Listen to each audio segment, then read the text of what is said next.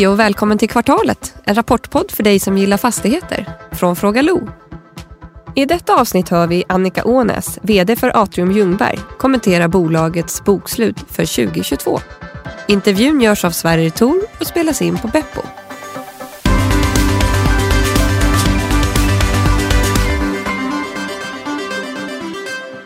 Hej Annika och välkommen tillbaka till kvartalet. Tack så mycket. Allt bra? Det är bra, men jag börjar längta extremt mycket efter våren. Ja, inte bara du kan jag Nej. säga. Är, Jag, jag känner att jag inte är särskilt unik, men ändå. precis. Bara jättesnabbt, eh, är du nöjd med rapporten? Innan Jag är väldigt nöjd med rapporten, men det är klart att det varit ett omvälvande år. Mm. Alltså det började extremt starkt. Det avslutas väldigt turbulent ändå i vår omvärld. Ehm, Så att givet de förutsättningarna så är jag väldigt nöjd med rapporten. Mm. Och vi levererar faktiskt det bästa resultatet någonsin på årsbasis. Ja, ja, precis. Jag hade ju noterat att det var lite Jekyll och Hyde men det är det ju i alla rapporter just nu. Ja, Men vi ska höra vad Niklas Höglund tycker. Ja, då var det dags för Atrium Ljungbergs bokslut och eh, man rapporterar ett bättre förvaltningsresultat, ungefär 3 högre än konsensus som DI rapporterar. Höjer utdelningen med 2 och aktien, om vi börjar med det, är upp med cirka 4% på rapportdagen. Det är en stark börsdag, men man, man går bättre än eh, sektorkollegorna. Tittar vi på resultatet då så är förvaltningsresultatet ner 7 procent och trots att de är lite högre än förväntningarna på förra året. Och tittar man på det underliggande så är det en, en positiv ersättning från uppsägningar förra året. Justerar man för det så är faktiskt resultatet fortfarande 2 procent bättre jämfört med föregående år och trots de här stigande räntorna som vi har sett under egentligen eh, i princip hela året. Eh, nettouthyrningen är också fortsatt positivt om vi justerar för projektuppsägningar. Och mycket viktigt så är vakanserna är ner med 2 procentenheter på helåret och det är skönt att se. Och det här skapar ju verkligen förutsättningar för, för kassaflöde in i 2023. Eh, någonting som alla bolagen behöver och en bättre bas. Om vi går över till substans och kombinerar kassaflöde eh, och- värdetillväxt så redovisar Atrium en negativ omvärdering om 2,4 procent i, i kvartalet. Man har justerat upp avkastningskravet med 20 punkter vilket är ja, lite mer än platser som vi såg tidigare men fortfarande relativt begränsat. Och tittar vi på helåret så kompenseras det här av stigande kassaflöden men men framförallt omvärdering av projektfastigheterna. Och 2022 är fortfarande upp med cirka 4,7 procent i omvärderingar. Tittar vi på underliggande tillgångsslag så lyfter man fram att det är bostadsfastigheterna där man har fortsatte skriva ner värdena med cirka eh, 10 procent. Det här slår igenom medan retail är oförändrat och kontoren bidrar positivt och då är det projektfärdigställandet och kassaflödet som påverkar. Så sammanfattningsvis är substansvärdet ner med cirka 3 procent i kvartalet men fortfarande upp 12 procent på helåret om en återlagd utdelning. På presentationen så visar bolaget en bild som gör en glad och det här är ju rekordintäkter från sina handelsplatser. Eh, och det är tydligt att basen för handeln nu i Atriums handelsplatser ligger i mat, systembolag och apotek. Ja, basvaror helt enkelt. Och det representerar faktiskt hela 40 procent av eh, Atriums retailsexponering. Totalt sett så är exponeringen 23 procent exklusive projekt så det blir ju nettolåga 14 procent konjunkturkänslig retail. Så bolaget har ju verkligen kommit en bra bit på sin diversifieringsresa och det känns faktiskt eh, det är fel att ha med dem som ett retailbolag i jämförelserna även om eh, aktien fortfarande uppfattas som det. Och aktien har ju återhämtat sig. Man är upp med cirka 50 procent sedan Q3-uppdateringen eh, och handlas idag eh, ja, eh, lite under kanske 28 procents rabatt jämfört med 53 procent som de hade efter Q3. Och det här känns ju väldigt bra men det är fortfarande betydligt högre än vad bolaget har handlats på historiskt. 14 procents rabatt då. Och lite, lite högre rabatt än, än sektorsnittet. Tre negativa. Stigande kostnader, vilket fortsätter att hålla tillbaka driftsnetto i jämförbara enheter även om hyresintäkterna faktiskt steg i Q4. Det är en hög andel projektutveckling och det här ökar kapitalbehovet. Ses som en stor risk för både kostnadshöjningar och eh, negativt av, av ratinginstituten. Och det här är ju eh, trots eh, potentialen som bolaget flaggat för och historiska bidraget på värdet. Och sen sist men inte minst så har ju bolaget en publik rating och det här ställer höga krav på räntetäckning och den här skepsisen kring projekt tynger verkligen bolaget utifrån sentimentsperspektivet och rating då och kan fortsätta pressa bolaget finansiellt. Tre positiva. Det är en relativt stark finansiell ställning och en lång eh, kapital och räntebindning jämfört med, med sektorkollegorna. Och man ser ju också att, att eh, ränteuppgången slår inte lika snabbt igenom här. Det här kommer man ju kunna utnyttja när obligationsmarknaden stabiliseras. Och sen visar ju bolaget en, en fortsatt stark hyresmarknad, riktigt bra eh, projektportfölj för framtiden. Och det här begränsar ju potentialen idag. Jag har ju mer än även på tre negativa, givet kostnadsläget som vi ser nu och, och en liten osäker konjunkturutveckling. Men det underbygger ju definitivt framtida tillväxt med bra marginaler och har ju potential att, att skapa överavkastning i både substans och aktier framöver. Tack för det Niklas. Ja, jag tycker att det ser... Eh, alltså, bara det att man höjer utdelningen tycker jag liksom, det är någon form av kaxighet, någon form av för, liksom, trygghet i att, att det är bra. Även om, även om eh, man kan av media tro att det allt är på väg spikrakt söderut. Nej, men det är klart att det är ett styrkebesked och det visar att vi som bolag, vi är här i goda tider men också i dåliga tider. Mm.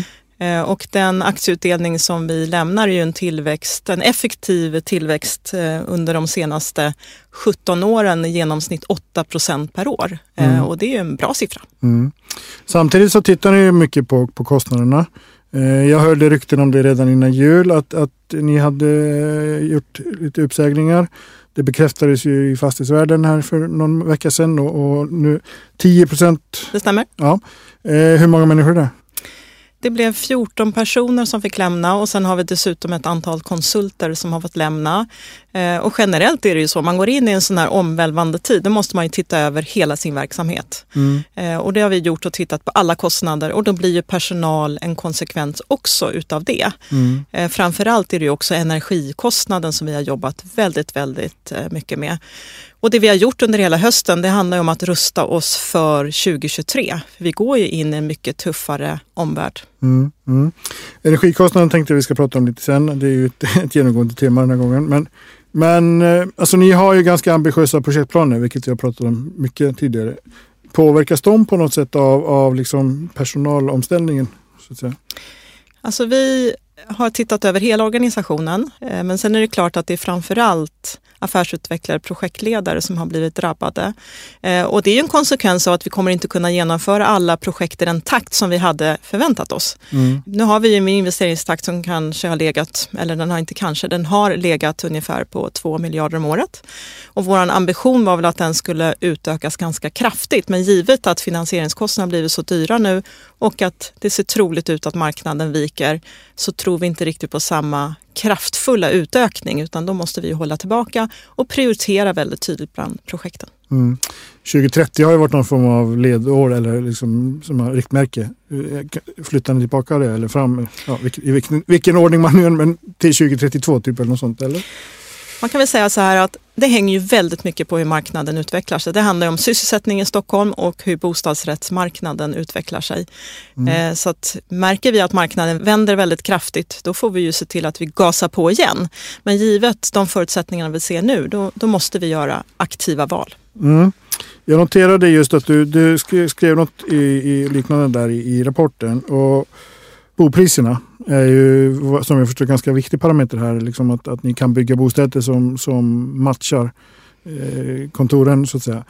Eh, nu, nu finns det ju en diskussion om bostadspriser rent generellt och att de kommer vara betydligt lägre eh, över en betydligt längre tid än man kanske hade trott. Hur, liksom, hur spelar det in i era, era planer? Jag tror att generellt är det så att man pratar utifrån en Sverige-perspektiv. Stockholm brukar ju ha en, en snabbare marknad, också utifrån att vi växer i Stockholm hela tiden och det finns en underliggande efterfrågan på bostäder. Eh, Jag tror också att våra platser vi bygger på är väldigt attraktiva så att jag tror väldigt mycket på vår bostadsrättsutveckling framåt. Mm. Eh, Men det är just nu i det här läget och det är klart att eh, nybyggnation blir ju tufft för att det man vill ju köpa och sälja i samma marknad just nu. Mm, mm. Och det påverkar ju alla bostadsrättsutvecklare. Okej, okej. Det, det stora temat nu under, under hösten har ju varit räntan och, och finansiering. Och under Q4 så fördubblas ju era, ert räntenetto. I princip från 62 till 126 va? Eh, miljoner. Hur mycket av det beror på nya lån? Nej, men det är klart att en viss del beror på att vi har ökat lånevolymen kopplat till att vi har förvärvat både Palmfeld Center men också den här stora fastigheten i Hagastaden.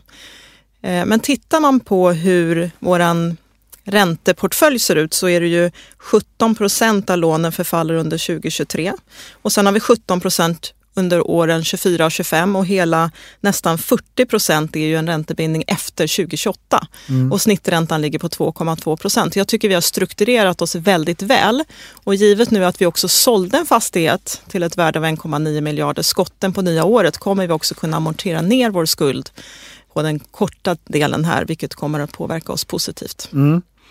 Jag kollade också räntebindningen. Ja. Uh, och ni har ju under Alltså närmaste året har ni ju inte jättestora förfall. Eh, ganska, det är ganska jämfördelat över... Tänkte du på kapitalbildningen nu? Kapital, ja, räntebildningen. Förfallen ligger ju inte på... Ja, Nej, det alltså, på hur som, bara, som ska mm. omförhandlas om man säger så. Eh, och det är ungefär 1 procent har ni snittränta på, på det som är just nu. Den kommer ju stiga gissar jag. Men, men vad har du för liksom, bild av hur ränte, räntekostnaden kommer se ut fram, framgent? Så att säga?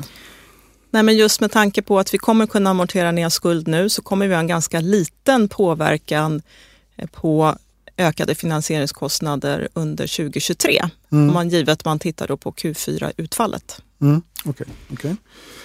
Bra, eh, jag har en till fråga på, på uh, finansiering. Och det ni har ju grön eller hållbarhetslänkad finansiering. Och hållbarhetslänkad är ju ett relativt nytt begrepp tror jag. Ja. För mig är det i alla fall. Jag tror att vi är ganska unika ja, där. Då får du förklara lite vad det är. Vi har ju tittat på att jobba med socialt hållbara platser och där vi själva då skapat ett index utifrån många parametrar där vi anser att en plats är hållbar. Eh, och det ska ju vara väldigt konkreta saker kring grönområden, kring ja, väldigt många saker. Eh, och utifrån det perspektivet har vi också lånat pengar. Eh, och då betyder den länkande delen då att om vi inte uppfyller våra mål så kommer vi också få en högre räntekostnad. Okay. Och det är på det sättet man kan visa att man gör saker på riktigt. Mm. Och hur, för det här är någonting ni har infört under 2022, eller hur? Det var inför 2022 ja. Eh, och vi har nu ett första då resultat eh, som vi kommer att presentera i årsredovisningen här kopplat då till året som gick. Okej, okay, och då kommer frågan. Föredrar ni det här framför grön finansiering? Så att säga? Fast det är en del av den gröna finansieringen. Eh, okay. Jag tycker inte man ska skilja på det ena eller andra för vi lånar ju också pengar utifrån att vi bygger certifierade fastigheter. Mm. Eh, och just att man också kan låna till den sociala hållbarheten tycker jag är riktigt bra. Mm. Ni har 7 miljarder i kassa. Eller i likvida... Tillgänglig li likviditet, ja. Precis. Ni, det, ni skriver i rapporten att ni har eh, liksom, typmarginalen på ett bolag som motsvarar er ligger ungefär på 4% just nu på en femårig obligation. Och då är ju frågan hur, liksom, hur stort behov har ni av att ta in nya pengar? Det är klart med 7 miljarder i likviditetsreserver plus att vi också har sålt den här fastigheten så ser ju behovet inte så stort ut. Okej, okay, okay. Bra. Jag har gjort en ny grej inför den här säsongen. Spännande! Ja, jag, har, eh, jag ska, ska utsätta er för någonting nytt där. Eh, och det är att jag har, ställer ut på, på Twitter om det är någon som vill ställa någon fråga. Och jag har fått en fråga. Vilken tur! Ja. Nu ska jag bara byta glasögon så jag kan läsa den också. Hur ser du på utsikterna framgent, till exempel när jag vänder räntorna och sådär? Och, och, är det här en sån här stor kris i fastighetsbranschen som man kanske kan läsa i, i media? ja, stor kris, det beror på vad, hur man definierar det. Men det är klart att vi genomgår ett stålbad. Och backar man bandet har vi levt i en tid med en väldigt stor efterfrågan och samtidigt en minusränta. Och det är ju inte logiskt utifrån ett större perspektiv. Mm. Att det skulle bli en omställning, det tror jag hela branschen har förstått. Men att det skulle behöva gå så väldigt fort, det är ju det som är den stora utmaningen. Att mm. då behöva ställa om sin verksamhet, att få ner lånenivåerna i bolagen och framförallt för de bolagen som har haft väldigt hög belåning. Mm. Eh, när, när, tror du att, att eh, det vänder? Du är ju finansiellt inriktad så du, jag vet att du har funderat på det här. Nej men det är klart att, att jag gör en egen best guess är det ju svårt. Man kan ju bara titta på hur marknaden prisar räntorna. Eh, och det senaste räntebeskedet från Fed nu så minskar man ju, eller man följer faktiskt det som man har sagt vilket mm. gjorde att, att eh, tioårsräntan i USA föll något eh, i morse eller Mm. under natten här. Mm. Och för den svenska marknaden så ser det ut som att, att någon gång i början av 24 eh, tror vi att, att räntorna ska takta ner. Men det beror ju väldigt mycket på hur, hur, eh, hur hela Sverige reagerar nu på eh, ränteökningarna och att vi får ner inflationen. Mm. Eh, ni har en räntetäckning på 3,8 gånger räntekostnaderna och det är mycket fokus. Det har varit det senaste kvartalet men det är det fortfarande nu. Ni har en belåning på 40 procent ungefär, 42 va? Ja. Eh, känner du dig trygg i de siffrorna eller tror du att ni kommer ni behöva komma ner i belåning och upp i räntetäckning? Nej, men som sagt, vi sålde en fastighet nu i början av året. Det minskar vår belåning. Samtidigt så kommer vi ju ha en utdelning som vi ska finansiera. Eh, Och vi har en projektportfölj som fortsätter takta på. Eh, Och det är viktigt för oss att vara under de 45 procenten i belåning. Så att vi kommer ju klara av vissa mer nedskrivningar. Jag tror ju att, att gilderna fortfarande kommer att krypa upp något under innevarande år. Eh, Och våra beräkningar visar på att vi ska kunna hålla oss inom det här intervallet. Eh, Det är viktigt för oss. Okej. okej. Ni har ju sålt den här kåken, eh, alltså skotten eh, vid, vid Drottninggatan va? Yes. 1,9 miljarder. Ja. Eh, hur, alltså, amortera ska ni göra, har du redan sagt. Men vad, liksom, vad kommer ni göra mer för pengarna? Säga? Nej, men det handlar ju om att återinvestera i vår projektportfölj. Vi har ju en pågående portfölj med en total investering på 9,4 miljarder med en återstående investering på 5 miljarder. Så det är klart att vi har mycket att göra och en ytterligare då projektportfölj på nästa drygt 30 miljarder. Mm. Eh, Och det är där vi skapar den bästa avkastningen till våra aktieägare. Mm. Ni hade ju pubhuset på Ja. andra sidan gatan. Nu har ni sålt det här också. Eh, har ni någonting kvar i, i det området? Vi har en fastighet till eh, som heter Adam och Eva som ligger i närheten. Okej. Och de, är den, vad ska man säga, eh, prioriterat innehav eller är det något som ni skulle kunna tänka er att sälja också? Nej, men tittar man på våra prioriterade områden så tror jag att de allra flesta skulle kunna se att nej, det är den inte. Eh, samtidigt som att vi har ingen rush nu att försöka sälja den fastigheten och jag tycker att givet den oro som ändå finns på marknaden och vi har gjort en försäljning så i det korta perspektivet så kommer vi inte sälja den. Mm. Men långsiktigt är det väl troligt att den inte kommer finnas kvar. Okej. okej. Eh, uthyrningen, verksamheten, Ja. den har ju taktat på. Ja, Och ni hade under året så hade ni 115 miljoner va, i netto. det stämmer. Vad hade ni under kvartalet? Det lyckades jag faktiskt inte hitta rapporten. Jo, då, det står.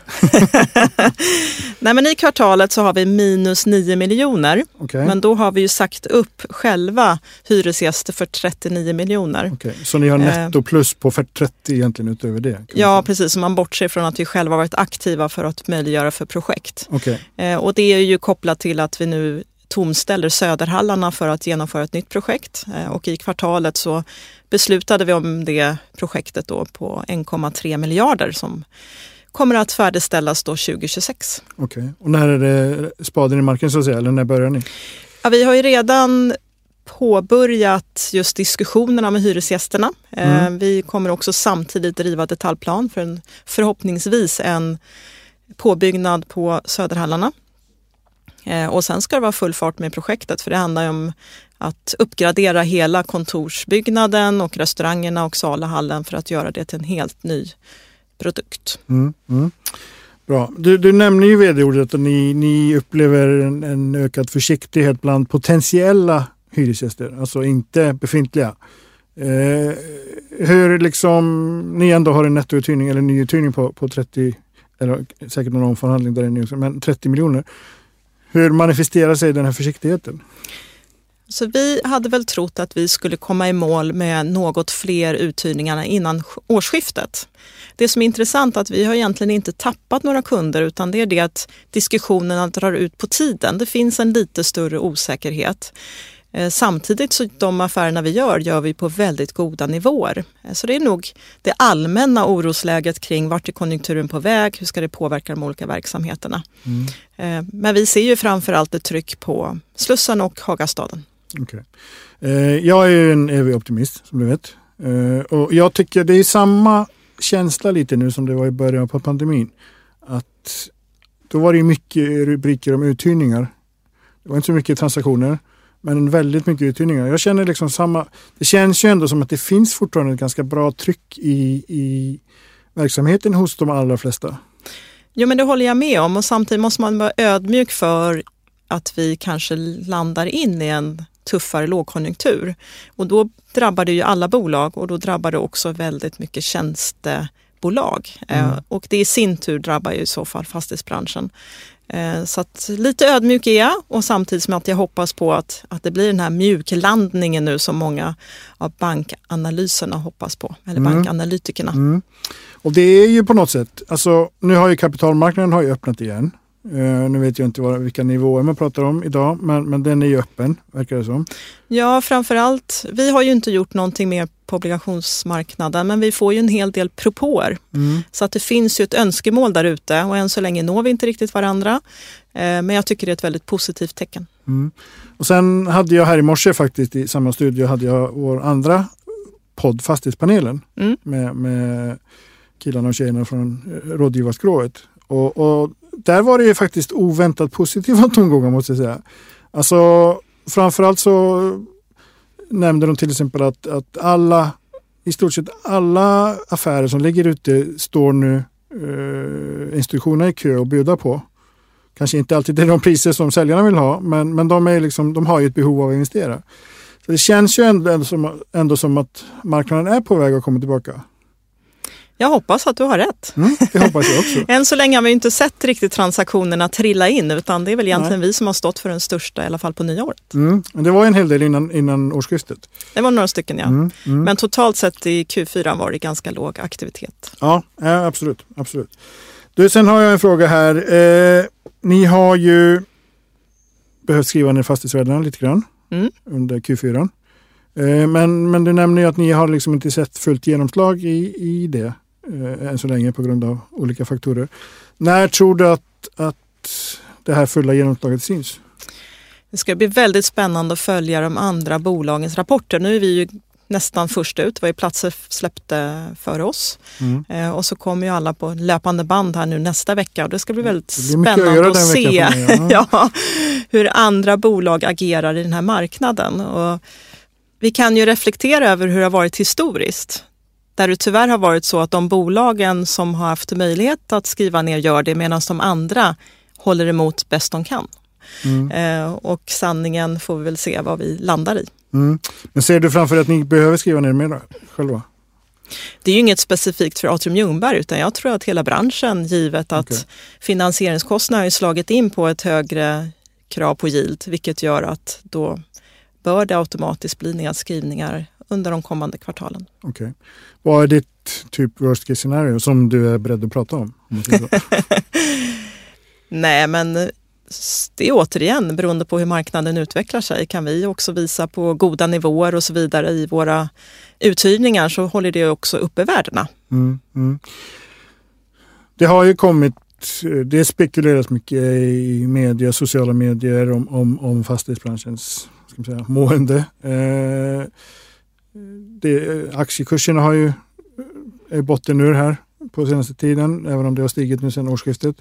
Men, men min känsla är ju ändå att de flesta bolag mår rätt bra. Alltså, det kan vara ägare, ägare som har det tufft. Eh, I vissa fall då också vd som är ägare som har det tufft. Men alltså, de flesta bolag är ju välskötta och, och har ju koll på, på kostnader och intäkter. Delar du den bilden? Eh, jag hoppas att du har rätt. Eh, det är ju tyvärr så att i väldigt goda tider är det aktörer som är villiga att ta på sig väldigt stor risk. Och då när vändningen kommer så fort så måste man också lyckas förändra sin verksamhet utifrån de förutsättningarna.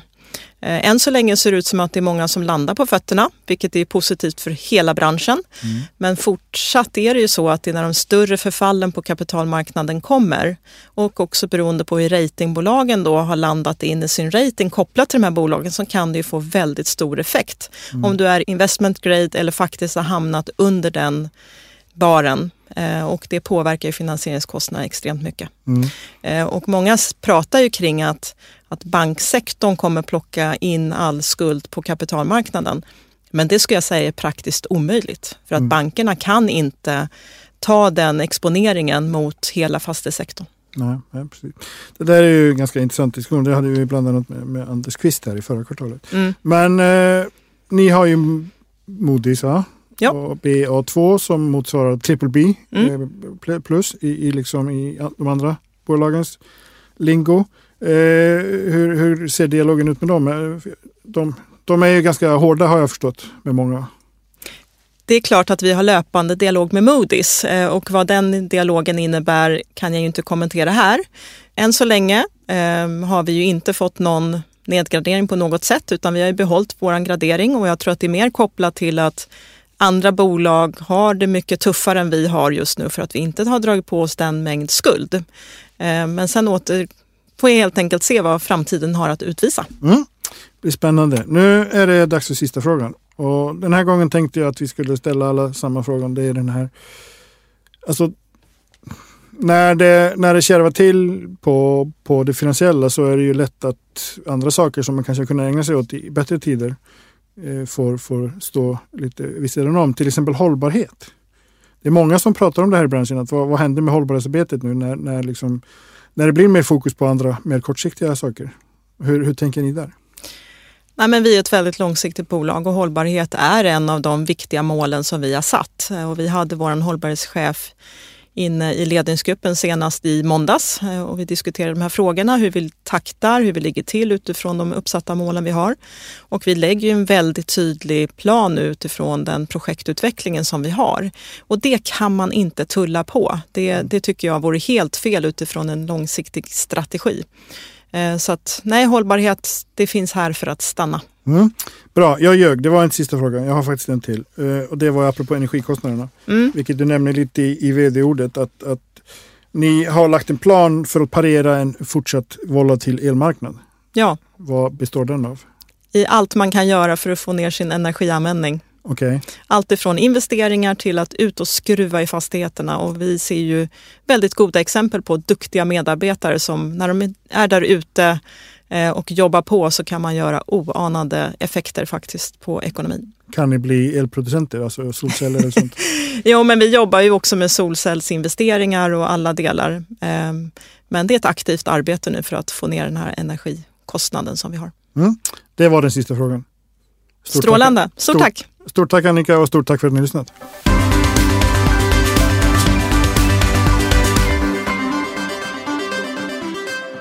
Det här programmet görs på Beppo. Beppo.